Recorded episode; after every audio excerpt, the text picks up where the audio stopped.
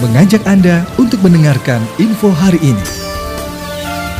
Lewat subuh keliling, Camat Cabang Bungin berdialog dengan warga.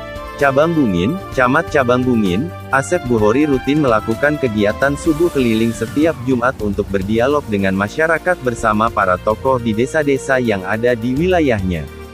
Dia menuturkan kegiatan subuh keliling ini merupakan wadah berkumpul untuk dengar pendapat, saran, serta pembangunan yang dicanangkan pemerintah Kecamatan Cabang Bungin.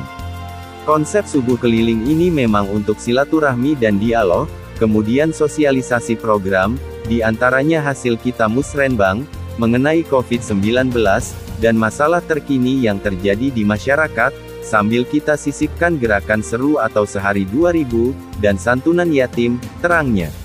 Menurutnya, setelah melakukan kegiatan subuh keliling ini dirinya tengah merencanakan dibuatnya sebuah lembaga berbadan hukum untuk tujuan merangkul anak-anak yatim dan duafa, serta mengajak masyarakat agar muncul rasa kepedulian antar sesama yang membutuhkan bantuan.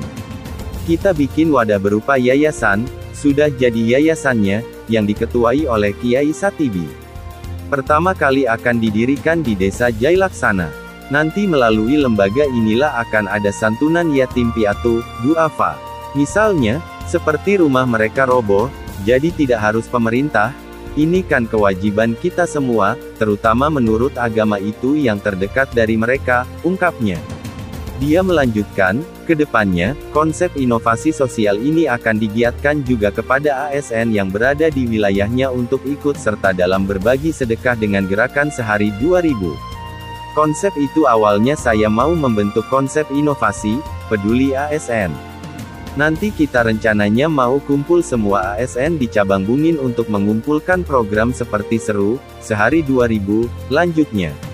Launching lembaga dan simbolis pemberian kunci rumah anak yatim yang sudah dibangun, rencananya akan dibuka pada Senin, 14.03, mendatang di Kepulauan Bojong, Desa Jailaksana. Udah terbentuk akta notaris lembaganya. Kita nanti rencananya subuhan hari Senin, kita sekalian mau launching lembaganya dan launching, rumah anak yatim piatu yang kemarin sudah dibangun itu, tandasnya.